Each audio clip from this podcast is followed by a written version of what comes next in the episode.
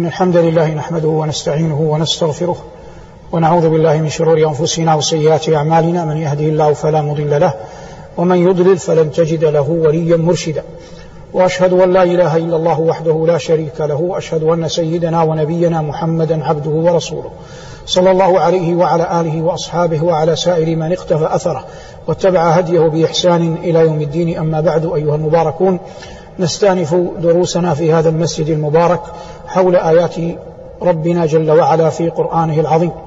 وقد بينا مرارا أن كل حلقة أو لقاء يحمل عنوانا ولقاء هذا اليوم يحمل عنوان الملك. والملك فضل من الله جل وعلا واسع يؤتيه الله جل وعلا من يشاء. وقد جاء ذكر كلمة الملك في القرآن كثيرا. وفي لقائنا هذا سنتدارس شيئا من ذلك إذ يصعب الإتيان على الجميع في لقاءات معدودة الأوقات. الحقيقة الأولى أن يعلم أن الله قال وقوله الحق عن ذاته العلية فتعالى الله الملك الحق ومعنى فتعالى الله الملك الحق أي أن ملك الله لا تخالطه شائبة عجز وليس فيه خضوع للغير البتة. وهذا الملك بهذا الوصف لا يكون إلا لله. وهذا الملك بهذا الوصف لا يكون إلا لله. هذا مما يمكن أن يقال حول معنى قول الله تعالى فتعالى الله الملك الحق الثانية أن حب التملك فطر عليه بنو آدم مما قل أو كثر. فإبليس لما أراد أن يغوي أبانا آدم جاءه من هذا الباب. قال يا آدم هل أدلك على شجرة الخلد وملك لا يبلى؟ هل أدلك على شجرة الخلد وملك لا يبلى؟ ومعنى وملك لا يبلى أي لا نهاية له لأن الثوب إذا خلق وبلي لا يلبس فهذا مستعار منه. وملك لا يبلى أي لا يكون أحد يأمرك ما الذي تأكله وما الذي تتركه في الجنة. وهذا كان أحد ما جعل آدم عليه السلام يأكل من الشجرة لأن آدم أبان عليه السلام بقدر الله أكل من الشجرة. لكن علمنا الله من خطيئة أبينا عليه السلام أن الطرائق إلى الإغواء اثنتان شيء من من إبليس من خارجك وشيء من ضعف في داخلك. فأما الضعف الذي في الداخل قال الله فيه ولقد عهدنا إلى آدم من قبل فنسي ولم نجد له عزما. وأما الذي هو ظاهر خارج فقول ربنا فوسوس لهما الشيطان. وحديثنا عن الملك لكن هذا استطراد. ثالثا قال الله جل وعلا في كتابه العظيم قل اللهم مالك الملك تؤتي الملك من تشاء وتنزع الملك ممن تشاء وتعز من تشاء وتذل من تشاء بيدك الخير إنك على كل شيء قدير. اللهم عند النحوي عند النحويين يقولون أصلها يا الله وإنما حذفت الياء وعوضت عنها بالميم. وقد مر معنا هذا كثيرا في دروس في أعوام سابقة ولا حاجة للوقوف عنده. مالك الملك أصلها يا مالك الملك. وإنما نصبت لأن المنادى هنا مضاف. يا مالك الملك في غير القرآن. قل اللهم مالك الملك تؤتي الملك من تشاء. فالله وحده من يقدم من يشاء بفضله. وتنزع الملك ممن تشاء فالله وحده من يؤخر من يشاء بعدله. فكما يقدم بفضله يؤخر بعدله ولا يظلم ربك احدا فما من أحد بوئ ملكا إلا والله جل وعلا أتاه إياه. وما من أحد ترك ملكه إلا والله جل وعلا نزعه منه. إما عقوبة وإما ابتلاء. إما عقوبة وإما وإما ابتلاء. ولا نقول في كلها عقوبة لأن أمير المؤمنين عثمان قتل فنزع عنه ملكه. وأمير المؤمنين عمر قتل فنزع عنه ملكه. وأمير المؤمنين علي قتل فنزع منه ملكه. وهؤلاء خيار الناس. فالمقصود ينزع عنه ملكه إما عقوبة وإما وإما ابتلاء. قال ربنا تنزع تؤتي الملك من تشاء تجعله يغلب. فإذا غلب أوتي الملك. فهذا معنى قوله جل وعلا وتعز من تشاء أي تجعله يغلب. وتذل من تشاء من تشاء تجعله يغلب فيقهر. فتصيبه الذلة.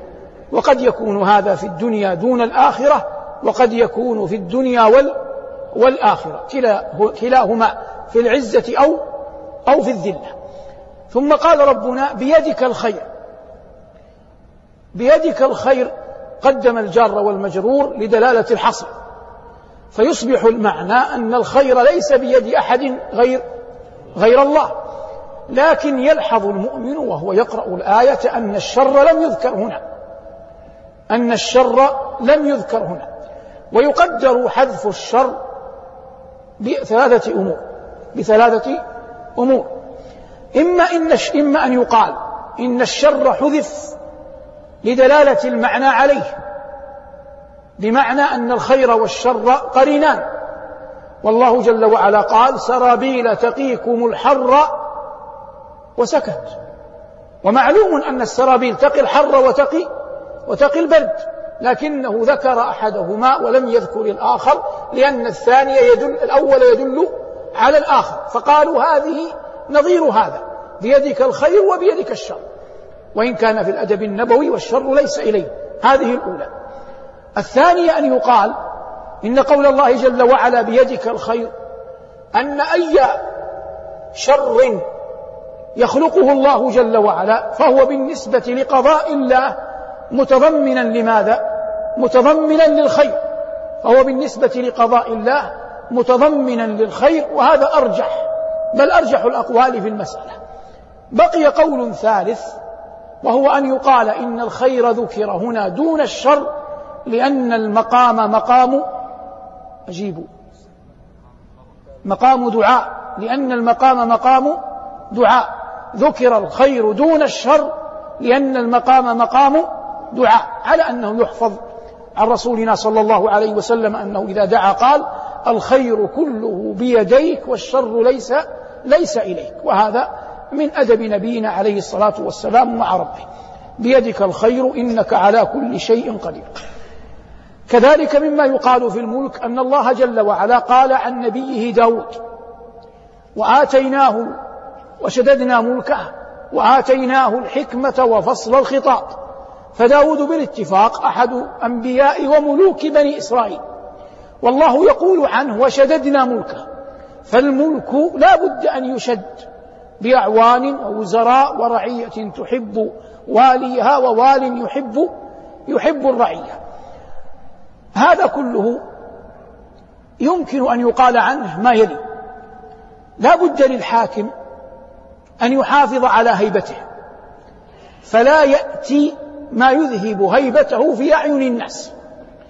ولا بد للرعية أن تراعي هيبة الحاكم وتبقي عليها. فإذا قامت الرعية بمحاولة إذهاب هيبة الحاكم لم تكن رعية مسددة له. وإذا أتى الحاكم من قبل نفسه ما يذهب هيبته. كان ذلك قرينة على أنه لا يصلح لا يصلح للملك. أمير المؤمنين عمر بن الخطاب رضي الله تعالى عنه وأرضاه وهو هو في قامته المعروفة. كان يطوف في المدينة في الليل فمر ذات يوم على خيمة قد نصبت لم يرها في الليلة التي خلت فوقف عندها يسأل عن صاحبها. فإذا هو أعرابي قد نصب الخيمة فسأله من أنت؟ قال أنا رجل من البادية جئت أصيب فضل أمير المؤمنين. والأعرابي لا يعرف أن هذا عمر. قال ما الصوت الذي أسمعه؟ قال هذه امرأة في المخاض أي في الولادة. قال هل عندها من أحد؟ قال لا. فذهب أمير المؤمنين رضي الله عنه إلى بيته. وكلم زوجته أم كلثوم بنت علي بن أبي طالب. وهي يومئذ صغيرة. فقال لها هل لك في أجر ساقه الله إليك؟ فالناس لا يساقون إلى المعروف سوقا. قالت وما ذاك؟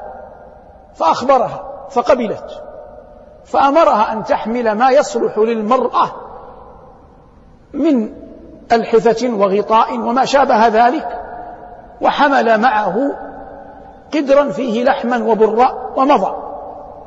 الزوج وهو أمير المؤمنين وزوجته. حتى وصل إلى الخيمة فقال للمرأة لزوجته ادخلي فدخلت.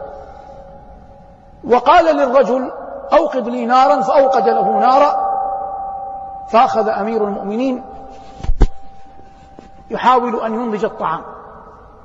وبينما هو ينضج الطعام ولدت المرأة. فقالت أم كلثوم لزوجها عمر يا أمير المؤمنين بشر صاحبك بغلام. فلما سمع الرجل قول المرأة يا أمير المؤمنين ارتحت. فقال له عمر لا عليك وطمأنه. وللقصة خاتمة معروفة. موضع الشاهد هذه ليست أحاديث سمر هذه أخبار أصحاب أصحاب سيد البشر. صلى الله عليه وسلم. موضع الشاهد أن أم, أن أم كلثوم رضوان الله عليها لم تقل يا زوجي لم تقل يا عمر لم تقل يا أبا حفص لأن هي الآن تناديه خارج المنزل خارج البيت خارج الدار.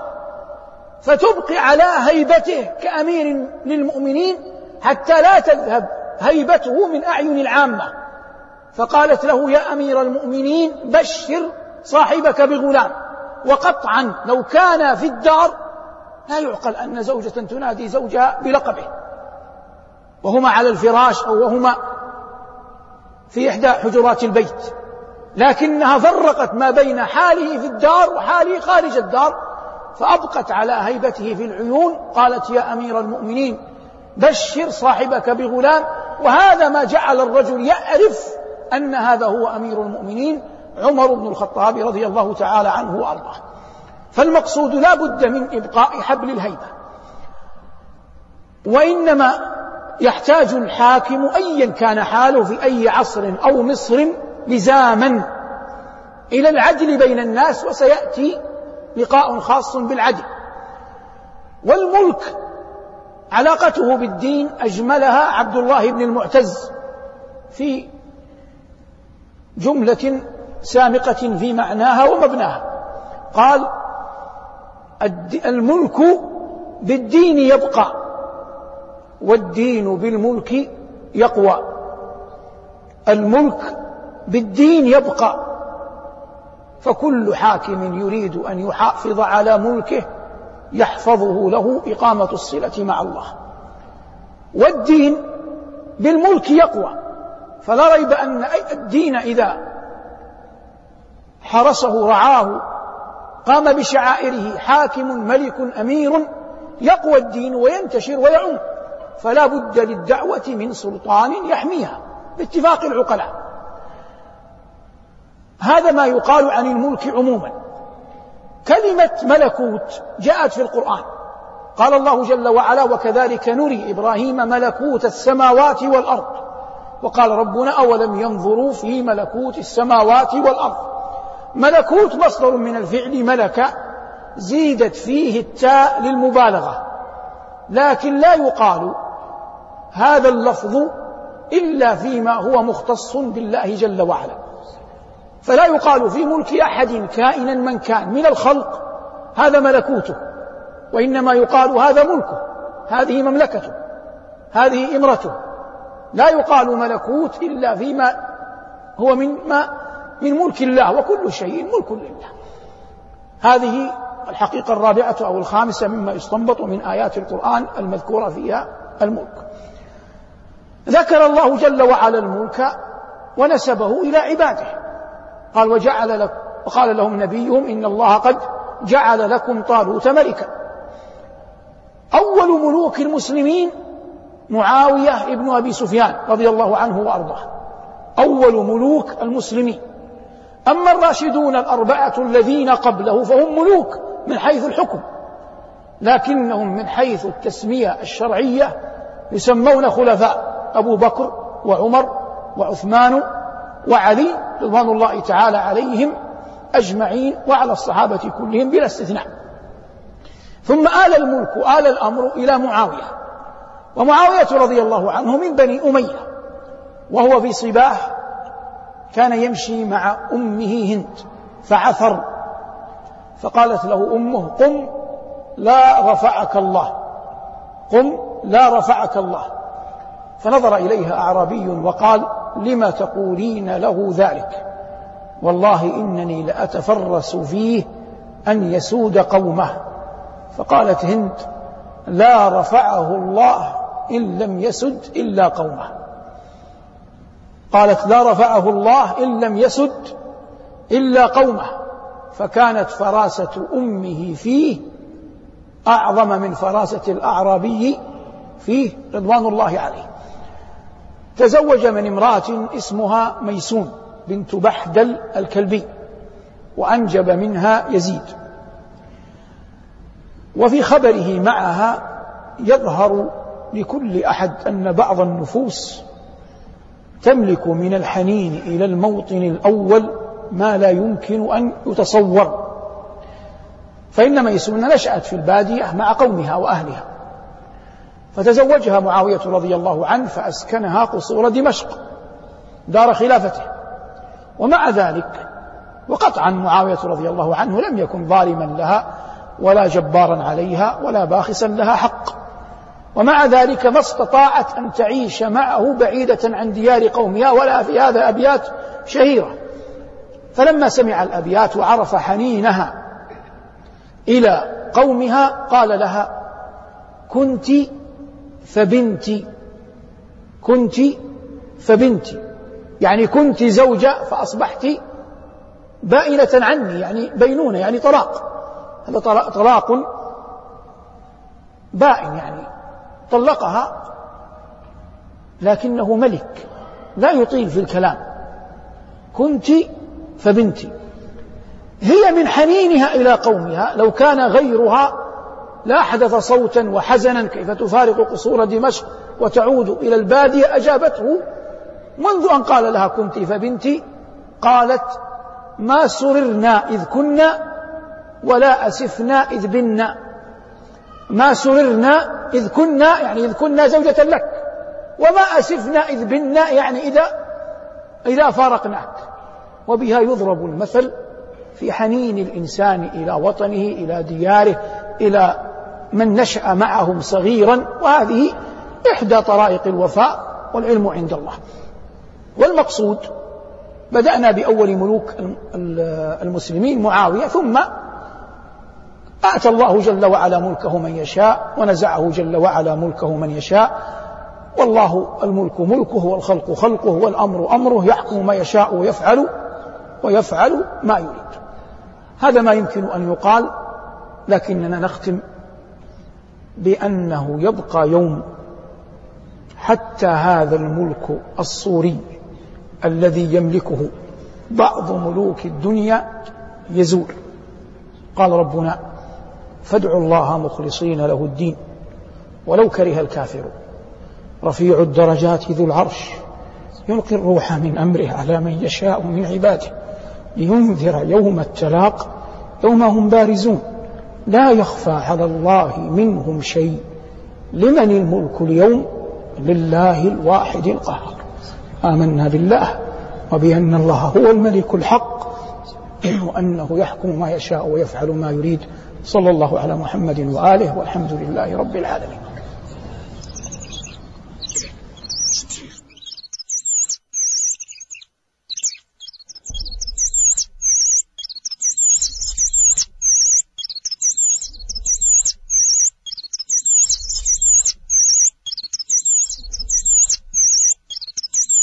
لو هذا